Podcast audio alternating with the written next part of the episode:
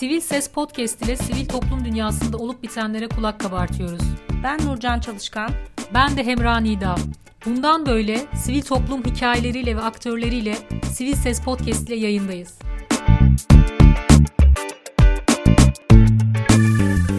Merhaba Sivil Ses Podcast dinleyicileri. Bugün Gönüllü Hikayeleri platformundan Yunus Emre Benli ile beraberiz. Evet Yunus Emre öncelikle hoş geldin. Hoş bulduk. Hoş geldin. Ee, seni tanıyabilir miyiz kısaca?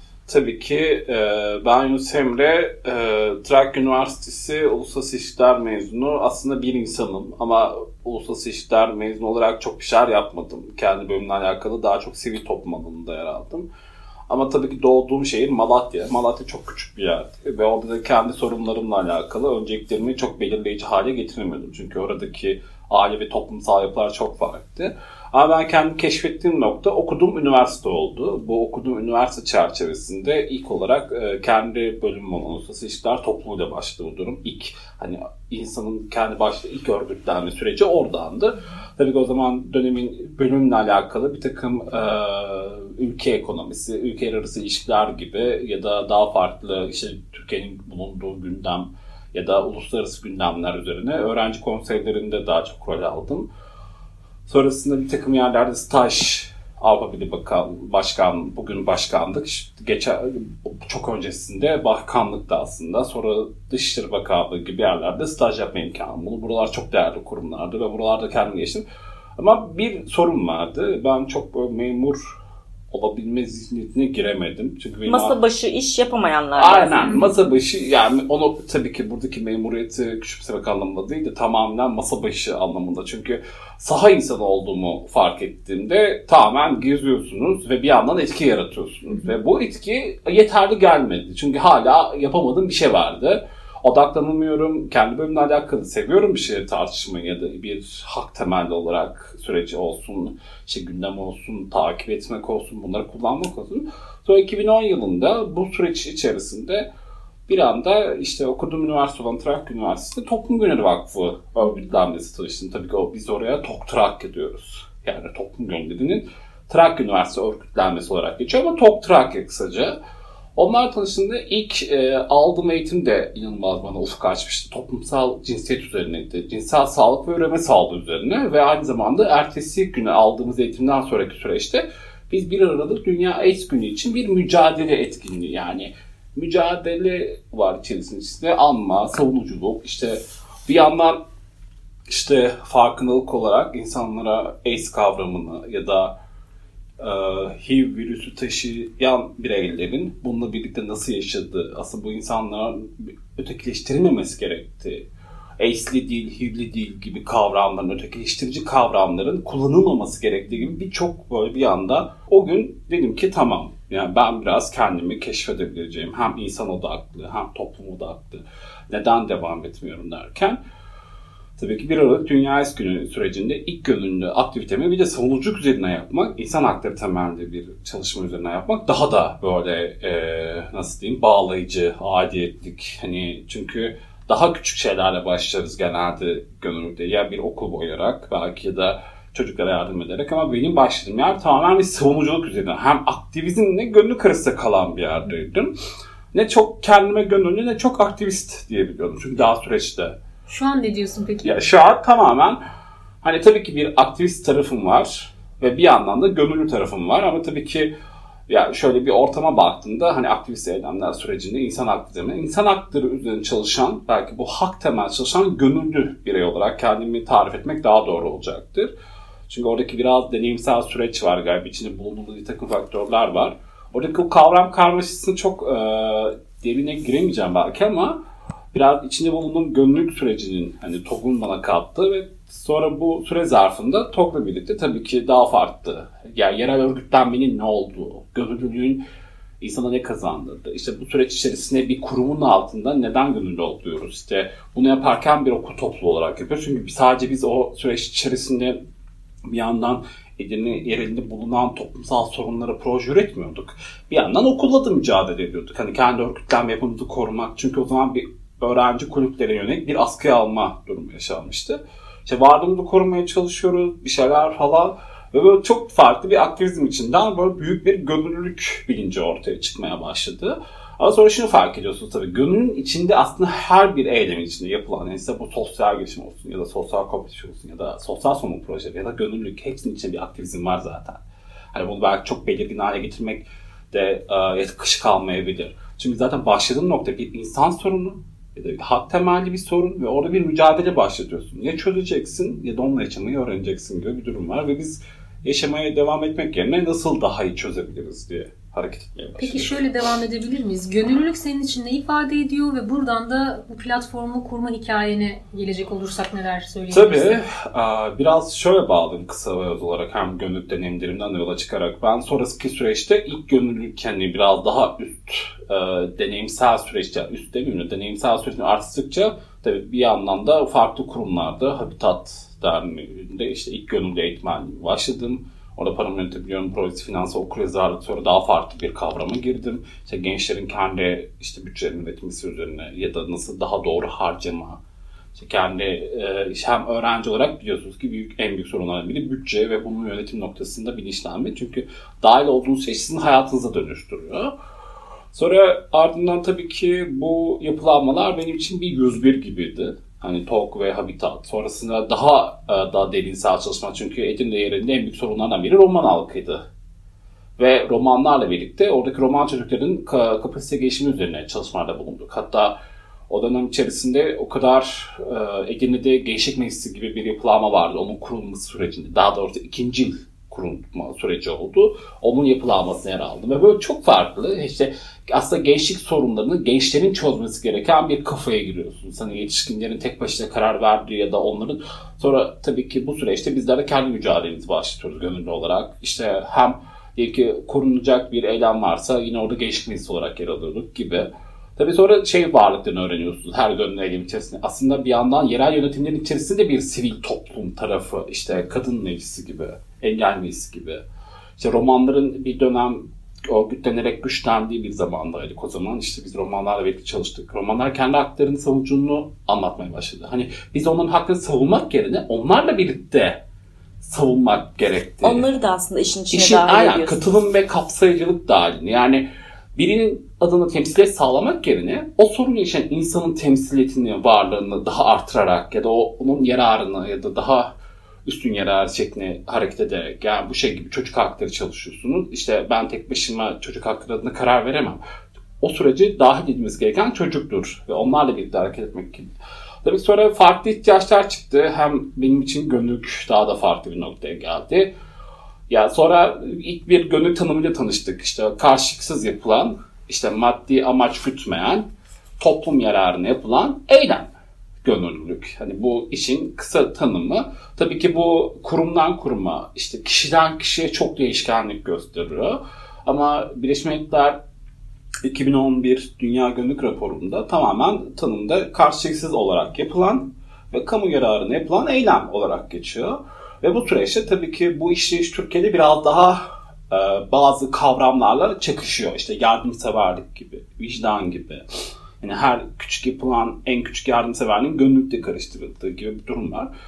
Yar, e, bu gibi kavramlar karıştırılınca da şimdi orada bir paradigma olarak sorunlar yaşamaya başladım. Şimdi benim yaptığım eylem bir, hani yardımseverlik çok sürdürülebilir olmayan bir eylem olabilir. Birbirinden ayıran en temel nokta ne peki? Şöyle yardımsever aslında e, sürece göre ya da o andaki belirlenen zamana göre uygulanır ve sürdürülebilir olmayabilir. Tek seferlik yapılır ve o andaki grubun ya da hedef kitlenin ihtiyacı karşılanabilir. Bu gıda yardımı olabilir ya da farklı. Ama bunlar sürdürülebilir olmayabiliyor. Ama gönüllülük işin içerisinde yapılan eylem ya da yapıl o gönüllülük içerisinde yapılan eylemler sürdürülebilir olarak devam ediyor. Bazen gönüllülük süreci ya da o andaki proje bitse bile o ihtiyaçlar tamamlandıktan sonra diğer ihtiyaç süreci başlıyor. Yani onu da nasıl güçlendirebiliriz ve bu temel ihtiyaçlar güçlendirdikten sonra ardıl bu sefer onun mevcut örgütlenme ya da onun topluma kazanımı, sosyal dahil etme, işte belki de kendi varlığının ya da etnik kimliğinin temsiline kadar giden bir süreç var. Ve gönüllülük de tam da bu süreçte bu işin sürdürülebilir tarafı. Yani bunu bir tek seferlik yapılmak değil de ama tabii ki bu şeye göre değişir. Hani belli kavramlarda kişilerin ayırdığı zamana göre, kişinin içinde bulunduğu okul zamanına göre e, ya da etkinliğe göre de belirli gönüllülerin aktif olduğu süreçler var. Ama gönül kelimenin kendisi hani tamamen sınırlandırılamaz tabii ki. Ve o süreç devam eden bir etkiye sahiptir. Ama gönülün aktif olduğu alanlarda gençler daha çok içinde bulunduğu işte eğer kuruma güveniyorsa ve o kurumun kendi içinde sağladığı aidiyetlik fazlaysa ya da ona yönelik gönül ihtiyacı varsa orada şurada bir gönül anlayışı olmaya başlıyor ve gönül sürekli oradaki faaliyetlere yardım ediyor. Ya da etkinlikler bazında yardım ediyor ya da belirli dönemsel projelerde yardım ediyor. Tabii ki e, gönüllülük bitebilen de bir şey. Çünkü bu kişinin mevcut ihtiyaçları bazında işe girmiş olabilir, okulu bitmiş olabilir, proje bitmiş olabilir. Tam da bu noktada şey sormak istiyorum. Yani e, e, gönüllülük esasıyla çalışıldığı için bir ücret e, beklentisi olmuyor insanın zaten. ya İstanbul gibi bir yerde de hani bu anlamda gönüllülük faaliyetleri yürüten bir insan geçimini nasıl sağlar diye düşünüyoruz. E, peki bu noktada iki taraflı sürdürülebilir bir şey nasıl mümkün ya da e, senin açından sorarsak yani geçimini mesela neyle karşılıyorsun? Sadece gönüllü e, hikayelerin peşinde koşarken aslında ya aslında şöyle ben ilk gönüllü olduğum süreç içerisinde tabii ki yani o dönemler içerisinde biz proje odağında kendi kaynağımızı yaratıyorduk. Çünkü biz de e, ilk başladığımızda hani bahsetmiştim ya toplum gönülleri vakfı sürecinde biz TOK Trakya olarak örgütlenmemizde bir takım görev dağılımları yapmıştık. İşte kaynak sorumluluğumuz farklı, sosyal medya farklı. Kaynak sorumluların en büyük şeyi, e, olayı proje geliştiren ekibe yönelik bir takım kaynak kalemleri verdikten sonra o kaleme yönelik ya sponsorlar ya da buna destek olabilecek insanlar hani aynı ya da nakdi bağışlar ama nakdi bağışa çok girmiyorduk. Aynı bağışlar şeklinde dönüyordu. İşte bu okul boya baksa gidip kişiden para almak yerine okul boyasını talep ediyorduk. Ya da o anda gönüllerin bir takım ihtiyaçları karşılanması gerekiyorsa bir yönü. Hani onu bir para değil de ya bize bu konuda işte gerekli beslenme ya da yemek tarafını sağlar mısınız? Ya da ulaşım için para değil de bize bu doğrudan otobüsü sağlar mısınız gibi ki bu zaten en kolay. Ve bu anlamda bir yandan da tabii ki gönül olarak e, bu süreçte kaynak yönetimini öğreniyorsunuz. Ama tabii ki burada e, şu elzem önemli. Yani gönüllü dediğimiz insan öğrenci ya da belki de içinde bulunduğu dezavantajlı durumdan dolayı gönüllü oluyor. Ve bunlar doğrudan kimi zaman cebinden harcamak zorunda kalabiliyor. Ama tabii ki belirli e, kurumsal yapılarda bu gibi eğer ki daha da güçlü kurum bazında gönüllülük varsa bu işin içerisinde gönüllünün doğrudan cebinden para harcaması gibi bir durum söz konusu olmuyor. Çünkü süreç içerisinde yapılan proje mevcut kurum tarafından destekleniyor. Her kurumun kendi ilkeleri ve e, sosyal değerler süreyi gönül tanımları değişebilir ve gönüllülük işleyişi de değişebilir. Bazıları tabii ki güçlü olarak sözleşme yapıyor. İşte bunlar çok gayri resmi sözleşme. Yani iyi niyet sözleşmesi dediğimiz. Hani gönüllünün yapacağı işin tanımlı olduğu. Gönüllü hikayeler aslında bu ihtiyaçları karşılama noktasında gönüllüleri birleştiren bir platform. Tam olarak öyle demeyelim. Hani biz çünkü bu biraz üstten bir bakış açısı. Hı hı. Biz gönülleri birleştirmeye çalışmıyoruz. Çıkış noktamız da gönülleri birleştirmek değil. Zaten gönüller kendi içinde bir birlikteliğe sahip. Bir arada olma ruhuna sahip. Biz orada bir yapıcı ya da birleştirici bir unsur değiliz. Biz sadece oradaki mevcut süreçteki bağı güçlendiren bir aracıyız. Ha, o birlikteliği sağlarlar ya da sürdürülebilir kılırlar. Tamamen yine gönüllerin kendi içindeki birbirlerine olan aktarımlarıyla alakalı Peki, bir durum. Bu platform nasıl doğdu? Yani Yunus Emre bir gün e, ben böyle bir platform kurayım diye mi yola çıktın yoksa bir grup arkadaşınla mı karar verdin? İlk süreçte şöyle gönül sürecimde şunu fark ettim. İçinde bulunduğum deneyimi çok da anlatamadığımı fark ettim. Yani insanların bir gönüllülüğüm var ama bu gönüllülük biraz sanki fazla e, sürdürülebilir değilmiş gibi hissettim. Ve dedim ki bunu yani sonuçta ben bir oradaki yani bu süreçte çalışan kadar aktif olarak gönüllülük yapıyorum. Ve hatta emek vermeye çalışıyorum. Ve ben buna bir zaman ayırıyorum. Bir çalışma saatim var. Baktığım zaman yani benim belirli bir hukuki anlamda tanımam lazım ama Türkiye'de maalesef gönüllü yük üzerine bir yasal yap, mevzuat yok ama bunun üzerine çalışmalar var. Ee, işte tam da bu noktada... Avrupa'da nasıl? Ya Avrupa'da yasal mevzuatlar var. İşe işe göre değişiyor birçok ülkede. İşte bu noktada hem İngiltere'de olsun, Finlandiya'da olsun ya da Hollanda'da, Almanya'da olsun işte gönüllülük merkezleri var. Bu gönüllülük merkezleri ortaklaşa hem de devlet tabii ki ortaklığında gönüllünün mevcut yasal pardon mevcut varlığı korunuyor. Hem işte hem bu sayede sivil toplum kuruluşları da çünkü iki taraflı bir koruma diyebiliriz. Yani sivil toplum kuruluşları içerisinde gönüllü olmak durumu aldığın sorumluluk bazında onu gerçekleştirmediğin anda o anda sana göre bir planlama gerçekleştiği için o andaki bir kayıp sivil toplum kuruluşun ya da sivil toplum örgütünün yapacağı çalışmayı aksatabilir. Yani hem emek ve söz anlamında. Çünkü senden çok teknik bir destek alıyordur gönüllülük anlamında. Zaten şöyle gönüllü olan kimse de zaten yapamayacağı sorumluluğun altına girmemeli. Evet gönüllülük çok güzel bir şey ve o, o emeğin karşılığını kesinlikle verilmesi gerekiyor. Ama bunun olabilmesi için de bu emeğin bir şekilde bir e, belki de yani iş tanımı olur ya hani bir yere girerken işte senin sorumluluğun bu.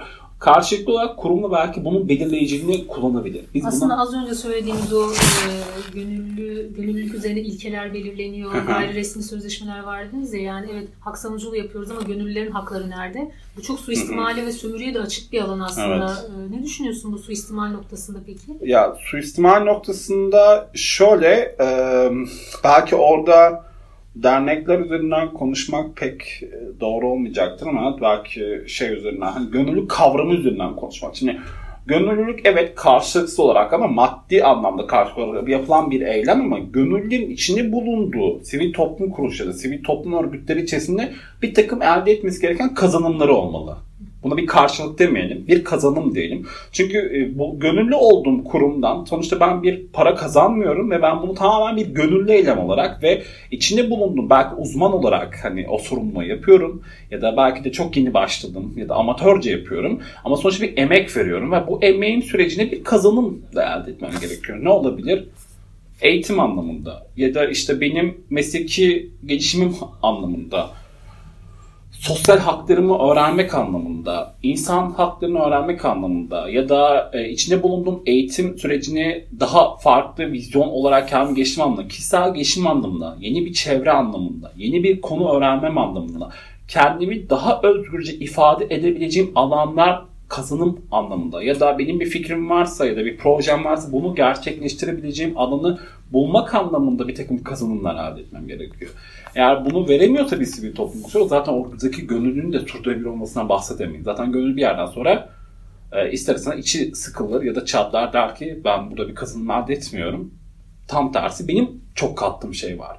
Şimdi zaten Tam buradan evet, e, gönüllü, gönüllülük e, insana ne katkı sağlar? Gönüllülük insana ne katkı sağlar e, da bağlı. Aslında kendinden yola çıkabilirsin. Gencecik bir üniversite öğrencisi, öğrencisiyken TOG'la tanışıyorsun evet. ve bir aydınlanma yaşıyorsun. Ben biraz karışık girdim mesela ama şey biraz bahsetmek lazım aslında. Gönüllü hikayenin biraz çıkış noktasından bu gönül kazanına bağlayayım. Yani gönüllü hikayenin zaten çıkış noktası tam da bu noktada başlıyor. Yani gönüllerin hani bizde şöyle bir şey var. İyiliği at işte hayk bilmezse işte gibi bir söylem var. Çok su aklıma gelmedi. İyilik yap denize at, at balık bilmezse, bilmezse halik bilir. bilir. Aynen öyle. Böyle bir e, çünkü yardımseverlik ve iyilikle karıştırılıyor. Yani bahsetmezsen gönüllülük olmaz. Sonuçta iyi bir şey yaptım. Bunu bahsetmek insana böyle bir çekince yaratıyor. Şimdi gönül tam böyle bir şey değil. Yani sen aslında bir sosyal fayda yaratıyorsun ve bunu iş olarak yapıyorsun ve çalıştığın bir emek var. Hatta çalıştığın bir saat var yani dilim bazında. Evet bir iyilik hareketi içerisindesin ama gerçekten de dönüşüm yaratıyorsun. Sadece değişim değil. Ve bu dönüşüm yarattığın nokta sen de gelişiyorsun. Ve baktığın zaman bu içinde bulunduğun şey tamamen safi bir deneyim. Yani bu deneyim sosyal etki ya da sosyal fayda anlamında, işte sivil topluma katkı anlamında, toplumsal sorunlara çözüme ortak olmak anlamında. Tamamen yarattığın en küçükten en büyüğe kadar etki toplumun ya da işleyen çarkı ya da dünyada o çarkı büyük bir destek sağlıyor. Ve bu tamamen safi bir, bir deneyim ve sen aslında dönüştürensin ve bunu aktarabilmelisin ki ve içinde bulunduğun gönüllülük anlatılmayacak bir eylem değil. Belki içinde bulunduğun işte ben şu kadar kişiye katkı sağladım, şunları yaptım falan gibi değil de o deneyimin sana ne kattığını, işte bu deneyim sürecinde nasıl kazanımlar elde ettiğini, hatta bu deneyimler noktasında sen bu alana ne kazandırdığını. Çünkü bunlardan çok bahsetmiyoruz ki tam da zaten gönül hikayeleri bu noktada ortaya çıkmaya başladı. Çünkü şunu fark ettim. Ben de çekiniyordum. içinde bulundum. Çünkü gönüllülük evrensel bir olgu ve paylaştıkça çoğalacak. Zaten bizim de mottomuzda paylaştıkça çoğalan hikayeler. Çünkü içerisinde bir e, deneyim var ve bu deneyim aynı çalışan nasıl kendi iş yerinde bir noktada etki yaratıyorsa ben de gönüllü olarak bir etki yaratıyorum, bir şeyleri dönüştürüyorum. Belki çalıştığım özel şirketi bu noktada dönüştürüyorum. Belki sivil toplum kuruluşu hatalar yapıyordur. O hatalarından dönmesi için bir dönüşüm yaratıyorum. Ya da başka bir oluşumu ya inovatif olarak buraya gelmesi noktasında yeni bir değişim ya da yenilikçi bir hareket başlatıyorum.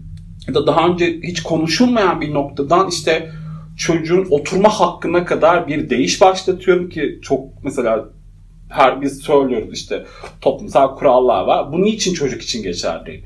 E, çocuğun biricik ya da birey olma noktasındaki sadece onun adını konuşmak değil de o süreci bu çocukların da katılması gibi konularda aydınlatıcı fikirler veriyorum gibi. Ve bu noktada sessiz kaldıkça aslında o kayboluyor o etkide. Geçtiğimiz günlerde çocuğun top taşımada oturma hakkı diye haberler vardı, gündem vardı. Mesela ve bu tamam. sen misin?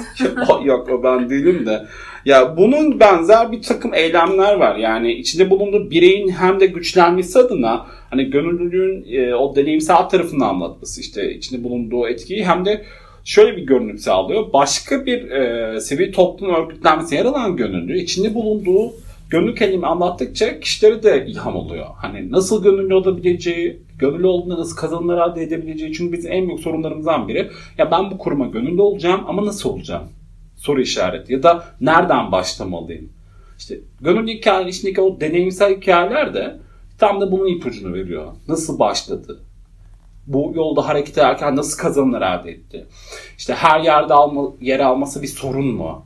Belki de bu bir keşif süreci. Bazen gönüllü olduğum zaman her yerdeyizdir. Çünkü o an bir yandan çocuk çalışmalarına, bir yandan gençlik çalışmalarına, bir yandan kadın çalışmalarına ve böyle bir takım kendi zamanını ayırabilen gönüllüler var. Bir yerden sonra bu içinde bulunduğu eylemde bir iş hareket kazanıyor. Hani neye odaklanması gerektiğini ve bu kişilerin de bu hikayeleri okurken zaten ilk başlarda dağınık görünen o hikayede gelişme kısmında neye odaklandığını görüyor. İşte örnek veriyorum işte ben bu zamana kadar işte şu şu şu gruplarda, şu şu şu topluluklarda, şu şu şu derneklerde çalıştım ki her birinin çalışma konusu çok başka bir şey. Ama sona doğru geldiğinde o ikinci ya da üçüncü yılında artık o kişi hangi konuda çalışması gerektiğini hem profesyonel anlamda seçebildiğini fark ediyor. Hem de karar vermesi ya da ilham aldığı noktada rol model olduğu o dernek içinde bulunan kişiye göre belki mesleğini ona göre seçiyor. Ya da mesleği eğer tarihçiyse örnek veriyorum illa tarihçi olmak zorunda değil belki çok daha farklı çalışma yapıyor. Hafıza çalışabiliyor toplumsal hafıza. Ya da çocuk gelişimcisi doğrudan çocuk gelişimci değil de daha farklı konuda çalışabiliyor. İşte eğer çevreci ise çocukların çevreden, doğadan öğrenme sürecinin güçlendiğimiz noktası multidisipliner bir öğrenme sağlıyor. Hikayenin de verdiği tamamen bir öğrenme ortamı. Ama zaten bahsettiğim gibi biz bir e, gönüllü birleştirici ağı gibi bir şey değiliz. Bizler tamamen mevcut gönüllünün insanların içine bulunduğu eylemleri daha farklı fikirleri bir araya aktarabilecekleri bir dijital ortam yaratmaya çalışıyoruz. Etkinizi yani, ölçebiliyor musunuz peki bu anlamda? Evet etkimizi ölçebiliyoruz. Ee, bize bu zamana kadar e, gelen en büyük hikayeler ki hikaye bu arada bizim için bir sosyal araç. Biz storytelling çalışmıyoruz. Yani hikaye geliştirme çalışmıyoruz. Bizim için önemli olan oradaki gönüllük deneyimi. Biz orada e, içinde bulunduğumuz durumda şöyle, o sosyal etkimizi tamamen e, ölçtüğümüz bir takım bir formla alıyoruz. Bu formda hikayenin gönderdikleri, Burada tabii ki şey çok önemli ki muhakkak ki dikkat etmemiz gereken bir süreç. Kişisel verilerin korunması kanunu. Mesela bunu özellikle de vurgulayarak çalışıyoruz işlerimizde de. Ve burada kişilerin verileri asla kişisel veri olarak kullanılmıyor. Ya da herhangi bir durumda olan kişisel verileri bir şekilde e, bir takım eylemler için kullanılmıyor. Sadece içinde bulundukları gönüllülük durumları ya da bu zamana kadar hangi konularda gönüllülük yapılmış. Mesela Türkiye'de bize gelen toplamda 100 hikaye oldu. Hatta 100 ya da 110 hikaye oldu. Bu hikayelerden büyük bir çoğunluğu çocuk çalışmaları. Ve ikinci ço- çoğunlukla çalışmalar kadın çalışmaları. Onun dışında da e, bir de bizim e, gönüllü diyalog atölyeleri oluyor. Üniversitelerde yapıyoruz. Burada yine gönüllülük nedir konuşmak değil de zaten biz bunun farkındayız ama kapsamı nedir? Ne yapıyoruz? Neler yapıyoruz? Hani biraz o üniversitelerdeki gençlerin gönüllük hakkındaki bildiği şeyi daha da güçlendirmek. Çünkü gönüllünün içinde bulunduğu kavram ya da şey e, güçlenme üzerine işte ya da katkı sağlama üzerine gidiyor. Bu hikayeleri nasıl topluyorsunuz? Hikaye... Mesela burada bizi dinleyen gönüllüler e, size yazabilir mi, ulaşabilir mi? Hikayeleri Tabii. nasıl paylaşabilir? Nereden Bir çağrın var mı? Bu arada yavaş yavaş toparlayabiliriz. Tabii. Konu çok güzel, muhabbet çok derin fakat toparlay toparlayabiliriz bu anlamda. Tamam. Ya şöyle belki bir çağrı yapabiliriz. Ya biz hikaye toplamaya devam ediyoruz ve her geçen gün artıyor bu durumda. Kesinlikle ilk başlarda e, bize yönelik gönüllü hikayeleri hem Instagram hem Facebook ya da um, LinkedIn gibi gibi sosyal medya kanallarından takip edebilirler. İnternet sitemiz şu an güncelleniyor. Farklı bir formatta gelmeye çalışacağız. Şu an için e, belki yapabileceğimiz şey bize herhangi bir sosyal medya kanalına ulaştıklarında biz kendilerine e, bir formumuz var. Onları doldurmalarını rica ediyoruz. Onu doldurmaları yetiyor. Sonrası zaten gerisi mailleşme üzerinden dönüyor. Sonraki süreçte zaten gönderdikleri hikayelerde ta, ortak onaylar alına kadar yayınlanma süreci başlıyor. Yayınladıktan sonra şurada bir etki başlıyor. O yüzden daha çok paylaştığı çoğalın hikaye demek için gönüllü hikayenizi paylaşmaya davet ediyoruz.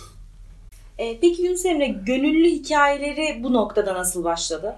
Şöyle e, tamamen benim gönüllü olduğum süreç zarfında ortaya çıkan bir fikrimdi. Çünkü e, yer aldığım örgütlenmelerde e, başka konularda çalışma yapmak istediğimizde birbirimize çok uzak olduğumuzu fark ettim.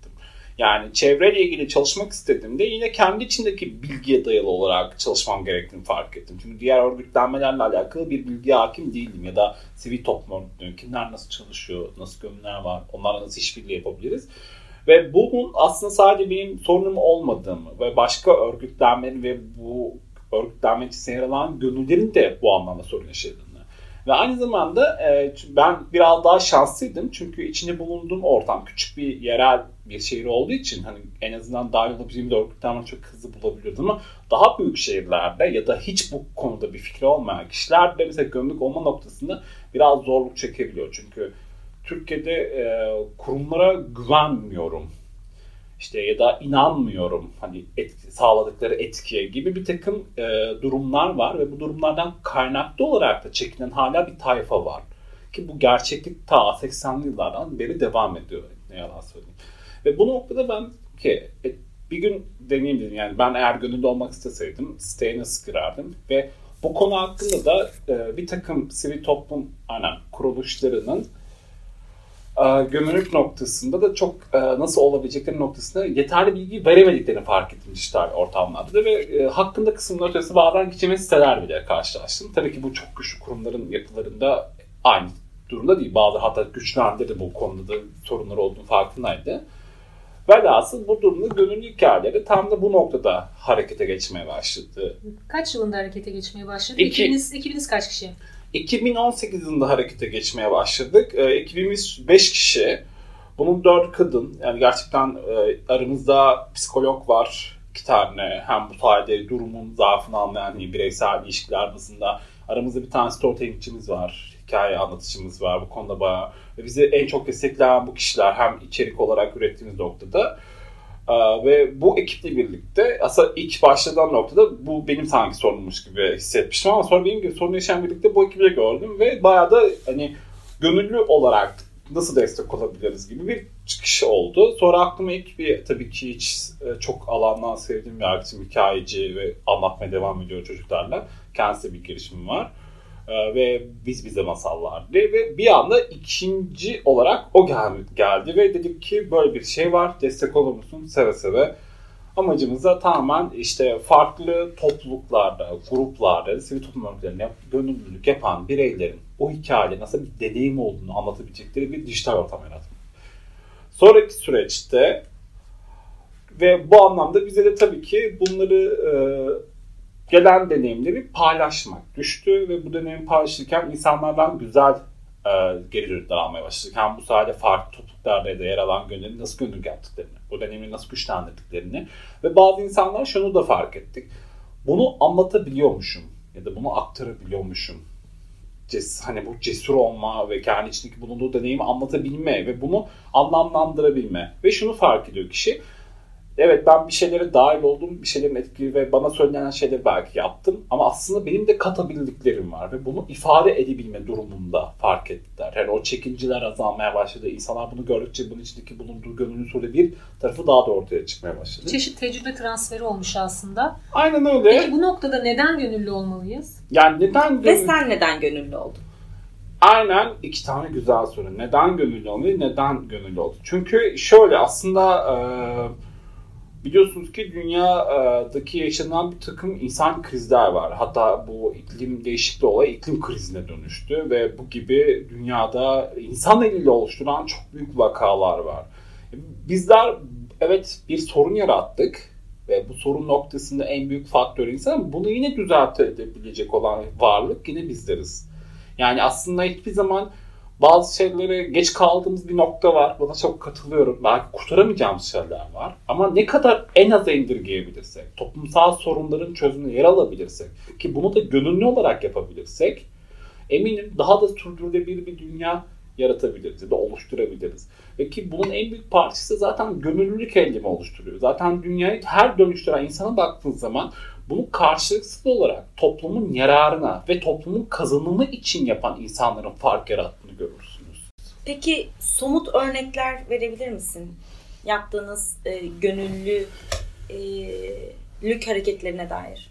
Ya ben şu şekilde ben e, neden gönüllü olduğuma tam da bu sorunun üzerine baktığımda aslında ilk sefer için kendi e, mücadelemde başladığımı fark ettim. Çünkü ben bir genç olarak benim adıma karar alan ve bu noktada benim sorunlarıma bana danışmadan çözüm bulmaya çalışan bir grup var ve bu grup benim adıma bir sorun ya da pardon bir çözüm üretmiyor. Tam tersi sorunun kendisi haline gelebiliyor. Ve ben dışlanan oluyorum ve bu sayede benim kazanımım da bu noktada gönüllü olarak yani ben bir genç olarak kendi sorunumda ya da kendi ihtiyacına bir çözüm geliştirebiliyorum. Ve bunu bir takım yetkili ya da karar alıcı mekanizmaya sunabilecek hale gelebiliyorum. Çünkü benim bu sayede karar almam, zaten bu benim anayasal hakkım. Kendimi ifade etmem, kendi özgürlüğüm noktasında mücadele etmem ve bu noktada bir takım e, hak talebinde bulunmam. Çünkü hak sonradan aranan bir şey değil. Zaten hep var olan bir şey. Ve bunun en temelden beri var olduğunu öğrenme sürecinde büyük bir kazanım elde etmiştim. Çünkü bunu nasıl kullanabileceğim işte ya da bir takım bilgiler var ya da doğru ya da yanlış nitelendirilen ya bu doğru bilginin nasıl yönetilmesi gerekti ya da daha farklı işte benden farklı dediğim insanlar aslında çok da farklı olmadığımı hatta içinde bulunduğum farklılıkların bir zenginlik olduğunu ve bir arada yaşam uyumunu daha da güçlendirdiğini fark ettim. İşte başka ülkelerden gelen olsun ya da daha farklı kızlardan ya da e, toplumsal içerisinde bulunan bir takım iyi diye düşündüğüm kavramların aslında ötekileştirici olduğunu fark ettim. Ve aslında bunu yapmamam gerektiğini, bunlar iyi bir şey değil. Tam tersi dahil edici ya da onlar adına konuştuğum süreçte onlar adına konuşmamam gerektiğini. Yani eğer o sorun yaşayan bir grup varsa ki bunlar mesela çocuklarsa çocuklarla konuşarak ve onların dahiliyetine belki de onların öncülüğünde ben kolaylaştırıcı olarak yer alarak yanlarında işte yer alarak bu çözümü ortak olmam gerektiğini fark ettim. Ki en büyük kazanımları bu oldu benim için de. Türkiye'de ortak bir gönüllülük kavramı var mı? Bir tanımı var mı? Ya Türkiye'de aslında ortak bir gönüllülük kavramı ya da tanımı yok. Yani öyle bir tanımdan çok büyük anlamda söz edemeyiz.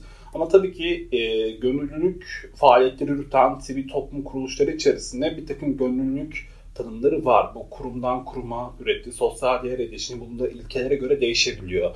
Ama tabii ki son zamanlarda Türkiye zaten bunun üzerine çok çalışmalar yapıyor. Yasal mevzuat, özellikle gönüllünün tanınması ya da gönüllülük özelliklerinin tanınır hale gelmesi ve bunun yasal mevzuatça korunması. Mesela bunun için şu an çalışan çok güzel bir örgütlenmedi. Biz de yakın zamana dahil olduk. Ulusal Gönüllülük Komitesi. Yani kısaca UGK.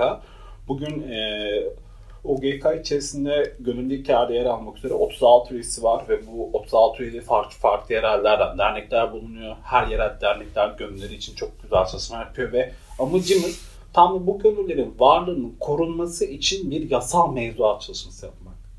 Peki neden bir gönüllü yasal mevzuata ihtiyaç duyuyoruz? Çünkü dediğim gibi Türkiye'de gönül çokça uzun süredir sömürüldü ve bu ücretsiz çalışan kavramıyla karıştırıldı ya da stajyer olma durumu. Ve bu kavramların oturtularak bu sayede gönüllü varlığı daha da sürdürülebilir olabilir. Çünkü dediğimiz gibi hani gönül sadece bu işte bir etkinliğe yer alan bir insan değil, bir araç değil. Aslında bir tamamen katılım aracıdır gönüllülük. Aslında katılım yöntemidir. Yani ben gönüllü olarak sivil toplum kuruluşlarının kendi varlığında temsilen oradayım ve bir nevi sivil toplum kuruluşlarıyla yaptığı mücadelede etken olarak ben de yer alıyorum. Bu durumda herkesi gönüllü olmaya davet ediyoruz. Evet, davet ederken mesela yayınımızı dinleyen bir vatandaş gönüllü olmak istiyor. Ne yapsın? sizinle tanışmak için ne Ha, yapsın? şu, gönül hikayeleri bir kere söyledim. Güzel açtınız bu konuyu. Bazen karıştırıyoruz. Bizler gönüllülere sivil toplum kuruluşu bulan ve sivil toplum kuruluşlarının gönüllü bulan bir dijital platform değiliz. Bir kere bunu vurgulayalım ki öyle bir şey de olmak istemiyoruz. Biz tamamen gönüllünün içinde bulundukları deneyimi paylaştık ve birbirlerine aktarım sağladıkları ve belki kendi arasındaki o iletişim mevzusunu güçlendirdikleri bir dijital aracız. Ve derdimiz gönüllünün bir katılım yöntemi olarak desteklemek, bunu üniversitelerde yaygınlaştırmak. Zaten biz gönüllüyü anlatmak istemiyoruz. İnsanlar zaten için bu kavramına yönelik bir takım fikirlere sahip. Bu fikirlerin daha da güçlendirilmesi, daha da sürdürülebilir hale getirilmesi için mücadele ediyoruz. Yani biz yeniden tekrar yeniden gönüllüyü tanımlamıyoruz. Zaten bir takım içerisinde değerler var. Bu değerlerin daha da sürdürülebilir anlamda ve özellikle de bu bizim çıkış hikayemiz aynı zamanda şey bu sürdürülebilir kalkınma amaçlarının 17. hedefi, hedefler ve ortaklıklar kapsamında. Yani bizim en temelde geldiğimiz noktalardan biri ve çıkış hikayemiz doğrudan amaçlarımızdan biri bu. Ve işte bunu da bireysel gönüllülük yapan ya da kurumlara gönüllülük yapan bu özel şirket olabilir, kamu olabilir ya da sivil toplum olabilir. Hatta bugün sosyal gelişim sürecinde de gönüllü olan insanlar var ve bu noktadaki oradaki gönüllerin nasıl bir deneyim içinde olduklarını ve buralarda içinde yer aldıkları deneyimleri paylaşarak yeni gönüllü olacak insanlara ilham olmaları. Çünkü her kişinin yarattığı küçük büyük etki ya da toplumsal sorunların çözümünde hepimiz ortak şekilde eşitiz. Ve bu fırsat eşitliğini sağlıyoruz. Yani yaptığımız en küçük belki okul boyamasından yaptığımız en büyük aktivist eyleme kadar ya da içinde bulunduğumuz bir e, kadın cinayeti platformu sürecinde yaptığımız mücadeleden tutun da hak temelli olarak başlattığımız Pride yürüyüşlerine kadar hepimiz bu sürecin büyük bir parçasıyız ve hepimizin içerisinde dünyayı değiştiren bir ruh var ve bu ruhu yani aslında biz insan olan tarafımızı güçlendirmek istiyoruz. Çünkü beşer tarafımız zaten dünyaya yeteri kadar zarar verdi. Ama belki insan olan tarafımızı biraz daha güçlendirirsek bu anlamda sadece yaşadığımız dünyanın bir part, yani dünya bizim bir parçamız değil. Biz yaşadığımız dünyanın parçasıyız. Çünkü burada sadece bize verilen akıl, irade bizi üstün bir varlık yapmıyor. Çünkü yaşadığımız dünyada bir takım canlılar var. İşte bitkiler, hayvanlar ve onlarla birlikte nasıl da yaşayabilir? Sadece bir arada yaşamanın ruhu insan insana değil. İnsanın diğer canlılarla birlikteki bir arada yaşama durumunu da güçlendirebilecek bir ruh yaratmak. Yani bir türde bir etki yaratmak bizim derdimiz ki bunları da insanlar nasıl yaşıyor, nasıl görüyor biraz görmeleri. Nasıl Ve- ulaşabilirler size? bize nasıl ulaşabilirsiniz? Dediğimiz ya şöyle bizim sitemiz şu an güncelleniyor. Yakın zamanda umarım karşınıza çıkacak. Ee, biz aynı zamanda bir sivil toplum kuruluşu değiliz. Bir sivil toplum örgütüyüz şimdilik. Tabii ki süreç içerisinde sosyal gelişim olmaya çalışan bir sivil toplum örgütüyüz. Ee, bu noktada bize eğer hikayenizi paylaşmak isterseniz Facebook gibi ya da sosyal medya kanallarının her birine varız. Bizi takip edebilir ve hikayenizi bizimle paylaşabilirsiniz. Ee, Burada önemli olan bize sadece kendinizi göndermeniz değil, bunu çevrenize anlatabilme becerisi kendinize görebilmeniz. O yüzden cesur olun. Ee, teşekkürler e, Yunus Emre. Ee, paylaştıkça çoğalan hikayelerin daha çok artması dileğiyle diyoruz. Ee, teşekkür ediyoruz tekrar yayınımıza Ben katıldığın teşekkür için. ederim davetiniz için. Emrah Sonraki yayında görüşmek üzere. Görüşürüz. Bunu sevdim ya. Medyapod'un podcastlerine Spotify, Google Podcast, iTunes ve Spreaker üzerinden ulaşabilirsiniz. Medyapod'u desteklemek için patreon.com slash medyapod.